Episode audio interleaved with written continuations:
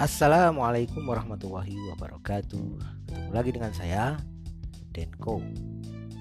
Pada episode yang pertama kita sudah mempelajari tentang prinsip-prinsip pengklasifikasian makhluk hidup.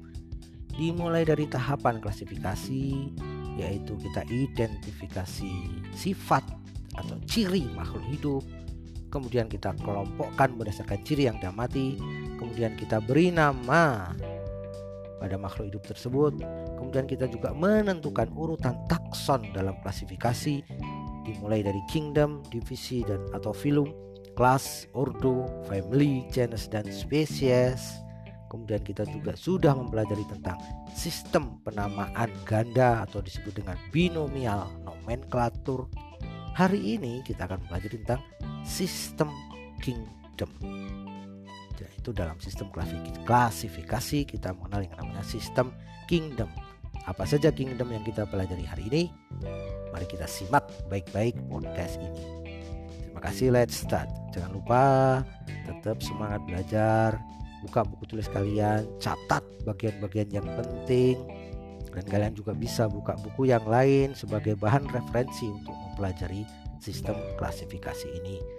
Kalian juga bisa mendengarkan podcast ini berulang-ulang sambil tiduran atau sambil melakukan pekerjaan yang lain. Asal ilmu yang saya berikan tetap masuk kepada kalian. Mari kita bahas. Let's start.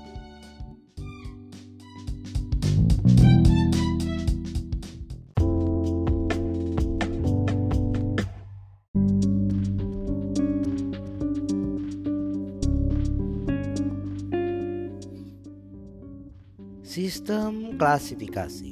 Sistem klasifikasi makhluk hidup pertama kali dipelopori oleh Carolus Linnaeus pada abad ke-18.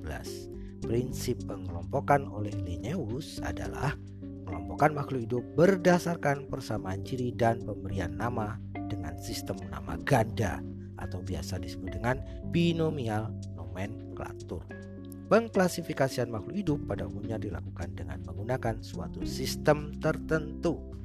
Sistem klasifikasi yang dikenal sampai sekarang adalah sistem buatan, sistem alami, dan sistem filogenetik. Tapi kita tidak akan membahas tentang sistem itu karena itu nanti dapat kalian pelajari di jenjang SMA. Untuk kali ini kita akan mempelajari tentang sistem 5 kingdom.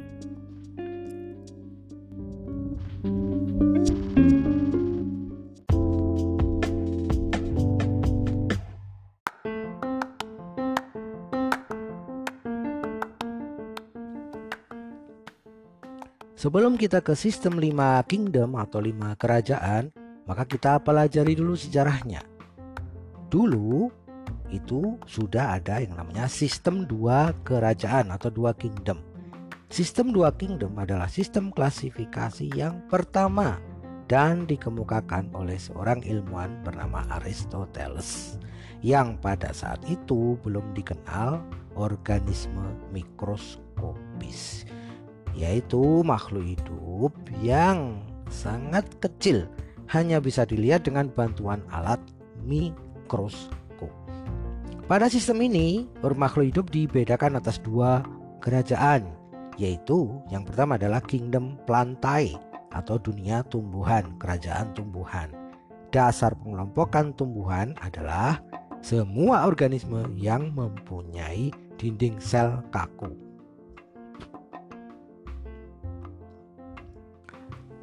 Tersusun dari selulosa dan mempunyai kemampuan melakukan fotosintesis atau ini biasa disebut dengan organisme atau makhluk hidup autotrof di mana mereka dapat membuat makanan sendiri dalam ekosistem berperan sebagai produsen.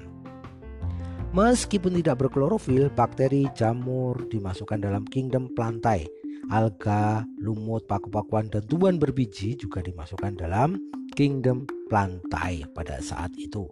Yang kedua adalah kingdom animalia atau kerajaan hewan.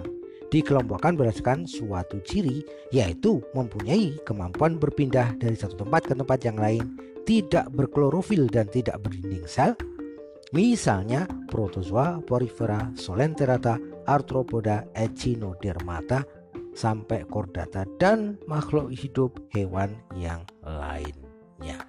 Itulah tadi dua sistem kingdom yang dikemukakan oleh Aristoteles. Jadi hanya ada dunia tumbuhan dan ada dunia hewan. Nah, kemudian sesuai dengan perkembangan ilmu, Robert Whittaker itu menggolongkan makhluk hidup ke dalam lima kingdom. Apa saja lima kingdom itu? Mari kita bahas bersama-sama.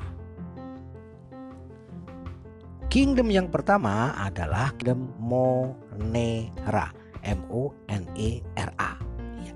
Whittaker menggolongkan makhluk hidup pada Monera ini adalah makhluk hidup yang berukuran mikroskopis sekitar antara 1 hingga 10 mikrometer. Jadi ukurannya sangat kecil. Untuk melihatnya kita membutuhkan mikroskop dengan perbesaran lebih dari seribu kali. Nah, ciri-cirinya yang termasuk kingdom Monera ini adalah kita cek dulu bahwa Monera itu berasal dari kata dari bahasa Yunani yaitu moneres yang memiliki arti tunggal. Sehingga ciri-cirinya yang pertama adalah bersel satu atau uniseluler. Ciri utama yang kedua adalah inti sel tidak memiliki membran inti. Jadi selnya tidak memiliki membran inti. Dalam bahasa biologi disebut dengan prokaryotik. Perkembangbiakannya dengan cara membelah diri atau biasa disebut amitosis. Dan kalian ketahui kalau membelah diri itu anak dengan induk akan sama persis. Nah yang tergolong dalam monera ini ada dua golongan yaitu bakteri dan alga biru. Bedanya di mana? Mari kita bahas. Berdasarkan bentuknya, bakteri dibagi menjadi tiga macam, yaitu kokus bulat, Contohnya adalah Staphylococcus aureus. Ini adalah bakteri penyebab radang paru-paru. Kemudian ada yang berbentuk batang atau biasa disebut, biasa disebut dengan basil. Contohnya adalah Bacillus anthracis. Ini penyebab penyakit antrak. Kemudian ada juga yang berbentuk spiral atau berbengkok-bengkok. Contohnya adalah Treponema pallidum. Ini penyebab penyakit sifilis, yaitu penyakit pada alat kelamin. Kemudian berdasarkan kebutuhan oksigen, bakteri dibagi menjadi dua yaitu bakteri aerob dan bakteri anaerob. Bakteri aerob membutuhkan oksigen untuk hidup, sementara bakteri anaerob tidak membutuhkan oksigen untuk hidup. Cara hidupnya ada yang sebagian saprofit apa itu saprofit? Saprofit memperoleh makanan dari sisa-sisa makhluk hidup yang lain. Contohnya adalah Escherichia coli, yaitu bakteri yang ada pada usus besar kita yang membusukkan sisa dari pencernaan kita bentuk kotoran. Kemudian ada yang berkembang biak atau hidup dengan model parasit. Makanan diperoleh dari organisme yang ditumpanginya atau inangnya.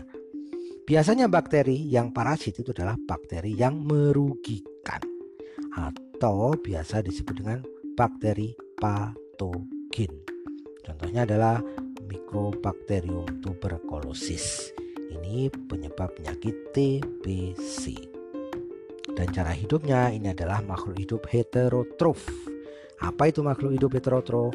Makhluk hidup heterotrof adalah makhluk hidup yang memperoleh makanan dari organisme lain, tidak dapat membuat masakan atau makanan sendiri. Oke, dari tadi kita berbincang dengan bakteri, kayaknya semuanya kok merugikannya. Ada nggak sih bakteri yang menguntungkan manusia? Ada, banyak. Dalam bidang pertanian, untuk menambah kesuburan tanah, kita butuh yang namanya bakteri Acetobacter Chorokum dan Rhizobium leguminis leguminosaurum. Dan kita juga butuh Clostridium Pasteurianinum. Kemudian ada juga bakteri penghasil antibiotik, contohnya adalah Streptomyces griseus, Streptomyces venezuelae, kemudian Bacillus brevis. Penghasil makanan dan minuman ada contoh Lactobacillus casei. Ini berperan dalam pembuatan keju dan minuman nata de coco. Kemudian juga ada Streptococcus lactis. Ini pembuatan keju dan mentega. Kemudian dalam proses pembusukan contohnya adalah Acetobacter. Ini penghasil asam cuka. Dan peranan bakteri yang lain juga bisa kita lihat dalam pembuatan biogas, pengolahan limbah dan rekayasa genetika yang lain. Sementara itu yang merugikan dapat kalian dengar lagi di contoh sebelumnya. Kelompok Monera yang kedua adalah ganggang biru atau biasa disebut dengan cyanobacteria. Bedanya dengan bakteri adalah ganggang biru merupakan monera yang memiliki klorofil sehingga mampu berfotosintesis. Tapi ingat ini termasuk dalam monera bukan tanaman. Menghasilkan oksigen, ganggang biru memiliki macam-macam jenis seperti ganggang biru bersel satu, ganggang biru berkoloni, dan ganggang biru yang berbentuk benang. Peranannya dalam kehidupan manusia, jenis ganggang biru bersel satu merupakan vegetasi perintis. Hal ini karena ganggang tersebut mampu atau mengawali kehidupan sebelum organisme dapat hidup di suatu tempat. Dan contoh-contoh yang lainnya adalah kita bisa lihat pada Anabaina oscillatoria menghasilkan neurotoksin yang menyerang saraf. Ada juga yang menguntungkan yaitu perfila ganggang biru yang berfilamen berbentuk seperti benang mengikat nitrogen bebas dari atmosfer dan berubah menjadi amonia. Contohnya adalah nostoc. Dan kalau kalian tahu, satu tetes air itu mengandung sekitar satu juta bakteri. Jadi hidup kita itu dikelilingi oleh bakteri dan ganggang biru dan makhluk hidup mikroskopis yang lain-lainnya.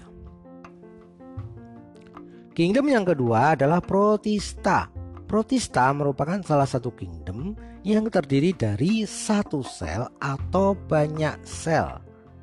Jadi kalau tadi Monera itu hanya uniseluler, maka protista ini bisa uniseluler dan bisa juga multiseluler. Perbedaan yang paling utama adalah protista itu memiliki membran inti. Jadi kalau monera tidak memiliki membran inti, kalau protista ini memiliki membran inti atau biasa disebut dengan eukariotik. Kalau tadi monera disebut prokariotik, maka protista disebut dengan eukariotik. Protista dapat dikelompokkan menjadi tiga bagian, yaitu protista yang menyerupai hewan disebut dengan protozoa, menyerupai tumbuhan disebut dengan ganggang, dan ada juga yang menyerupai jamur. Sebagian protista hidup di air karena tidak memiliki pelindung untuk menjaga tubuhnya dari hawa kering.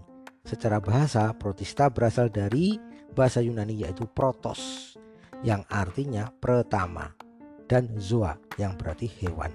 Artinya protista merupakan kelompok makhluk hidup eukariotik yang pertama yang paling sederhana. Ciri-cirinya adalah yang tadi yang pertama ada yang uniseluler, ada yang multiseluler. Kemudian dia juga inti sel memiliki membran atau disebut dengan eukariotik. Protista ada yang bersifat seperti hewan, yaitu hidup dengan cara heterotrof, ada juga yang bersifat seperti tumbuhan yaitu bersifat autotrof dapat menghasilkan makanan sendiri. Oke, kita ambil contoh untuk protozoa yang mirip hewan. Kita contohnya adalah yang paling terkenal yaitu amoeba. Kemudian contoh yang lain adalah Cilopora dan Max Tigopora. Sementara itu protista yang mirip tumbuhan atau alga atau ganggang itu ada contohnya adalah euglo euglinopita maaf euglinopita ya ini bahasanya agak susah-susah ya makanya kalian harus tetap sambil mencari referensi yang lain jadi bedanya protozoa dengan ganggang protista yang protozoa dengan protista yang ganggang itu cuman satu kalau protista mirip tumbuhan atau ganggang itu memiliki klorofil artinya dia autotrof dapat membuat makanan sendiri sedangkan yang protozoa itu adalah heterotrof. Dia tidak dapat membuat makanan sendiri. Itu tadi dua kingdom monera dan protista kingdom yang ketiga adalah jamur atau fungi tulisannya fungi dibacanya fungi Jamur merupakan kingdom yang bersifat eukariotik dan pasti tidak berklorofil. Jadi kenapa jamur ini kingdom sendiri dan tidak masuk ke dalam plantae? Karena jamur tidak berklorofil. Perkembangbiakan jamur adalah melalui spora. Dan ada juga sebagian yang bereproduksi atau berkembang biak secara seksual dengan zigospora dan ascopora dan basidiospora. Jamur hidup di tempat yang lembab, kemudian ada juga di air laut, air tawar, dan di tempat yang asam. Kemudian dia juga bersimbiosis dengan ganggang membentuk lumut. Ciri-ciri dari jamur pasti tidak memiliki klorofil, kemudian dia heterotrof, yaitu memperoleh makanan dari sisa makhluk hidup atau mengambil makanan dari makhluk hidup yang lain, saprofit dan parasit. Kemudian tubuh terdiri atas benang-benang halus yang disebut dengan hifa. Tubuh belum dapat dibedakan antara akar, batang, dan daun. Kemudian hifa tadi akan membentuk tubuh yang disebut dengan miselium dan berkembang biak dengan cara spora. Yang termasuk jamur klasifikasinya adalah yang pertama zigomycota adalah salah satu jenis jamur yang memiliki bentuk spora dan berdinding tebal atau zigospora. Umumnya berkembang biak dengan cara saprofit yaitu mengambil makanan dari sisa-sisa makhluk hidup. Ciri-cirinya adalah saprofit, tubuh bersel banyak, terdapat hifa reproduksi seksual membentuk spora dan secara seksual membentuk konjugasi. Contohnya adalah Rhizopus stoloni verus. Ini adalah jamur tempe berperan aktif dalam pembuatan tempe. Rhizopus nigricans, jamur roti penghasil asam fumarat. Pilobolus adalah jamur yang biasa hidup pada kotoran hewan yang terdekomposisi. Kemudian Rhizopus nigricans dan Rhizopus nodusus menghasilkan asam laktat. Kemudian klasifikasi selanjutnya adalah ascomycotia, mikota, ascomycota. Contohnya adalah Saccharomyces cerevisiae. Dalam bahasa kita disebut dengan ragi. Ini bahan baku untuk membuat tape, membuat bir, roti maupun alkohol. Penicillium notatum dan Penicillium chrysogenum penghasil antibiotik penicillin ya ini digunakan untuk obat. Kemudian juga arper, aspergillus, maaf aspergillus wenti. Ini adalah jamur dalam proses pembuatan kecap. Ternyata makhluk-makhluk hidup itu sangat penting dalam kehidupan kita sehari-hari. Klasifikasi selanjutnya adalah Basidiomycota adalah salah satu jenis jamur yang memiliki bentuk yang besar atau makroskopis. Contohnya adalah Volvariella volvaceae. Ini jamur merang. Ya, biasa dibudidayakan ini. Auricularia polytricha. Ini jamur kuping yang biasa juga dikonsumsi dan dibudaya, dibudidayakan. Kemudian Amanita paloides. Ini jamur beracun. Jangan dimakan ya. Dan jamur-jamur yang nampak oleh mata kita karena berukuran besar. Klasifikasi yang terakhir adalah Deuteromycota. Ini adalah salah satu keluarga jamur yang belum diketahui cara reproduksi cara reproduksinya. Ini jamur yang sangat misterius karena ini jamur yang tidak sempurna, bersifat saprofit pada materi senyawa organik. Ciri-cirinya jamur tidak sempurna, belum diketahui cara reproduksinya, perkembangbiakan seksualnya dengan konidia. Kemudian bersifat uh, hifanya bersekat hidup sebagai saprofit dan parasit berukuran mikroskopis jadi kecil. Contohnya adalah Monilia sitopila. Ini jamur oncom. Epidermobiton flochosum. Ini penyebabkan penyakit pada kaki atlet. Kemudian ada curvularia hidup parasit pada tumbuhan. Kemudian ada yang microsporum trichobiton nah ini ada di kulit kita. Ini adalah penyebab penyakit kurap. Itu tadi tiga kingdom yang sudah kita jari. Ada monera ada protista dan ada jamur atau fungi atau fungi perbedaan dan persamaannya silahkan kalian pelajari dengan baik-baik karena ini makhluk hidup ini ada di sekitar kita dan kita tahu bagaimana cara mengatasi jamur-jamur ini kalau kita sudah mempelajari protista, monera dan jamur. Dan ingat sekali lagi ini adalah makhluk hidup di sekeliling kita. Alhamdulillah kita diberi oleh Allah Subhanahu wa taala mata yang terbatas. Bayangkan jika kita bisa melihat makhluk hidup yang mikroskopis seperti bakteri. Maka dalam setetes air kita bisa melihat jutaan bakteri di dalamnya atau jutaan protista di dalamnya dan jutaan jamur kecil-kecil di dalamnya. Maka bisa jadi kita nggak bisa hidup jika mata kita bisa melihat seperti itu.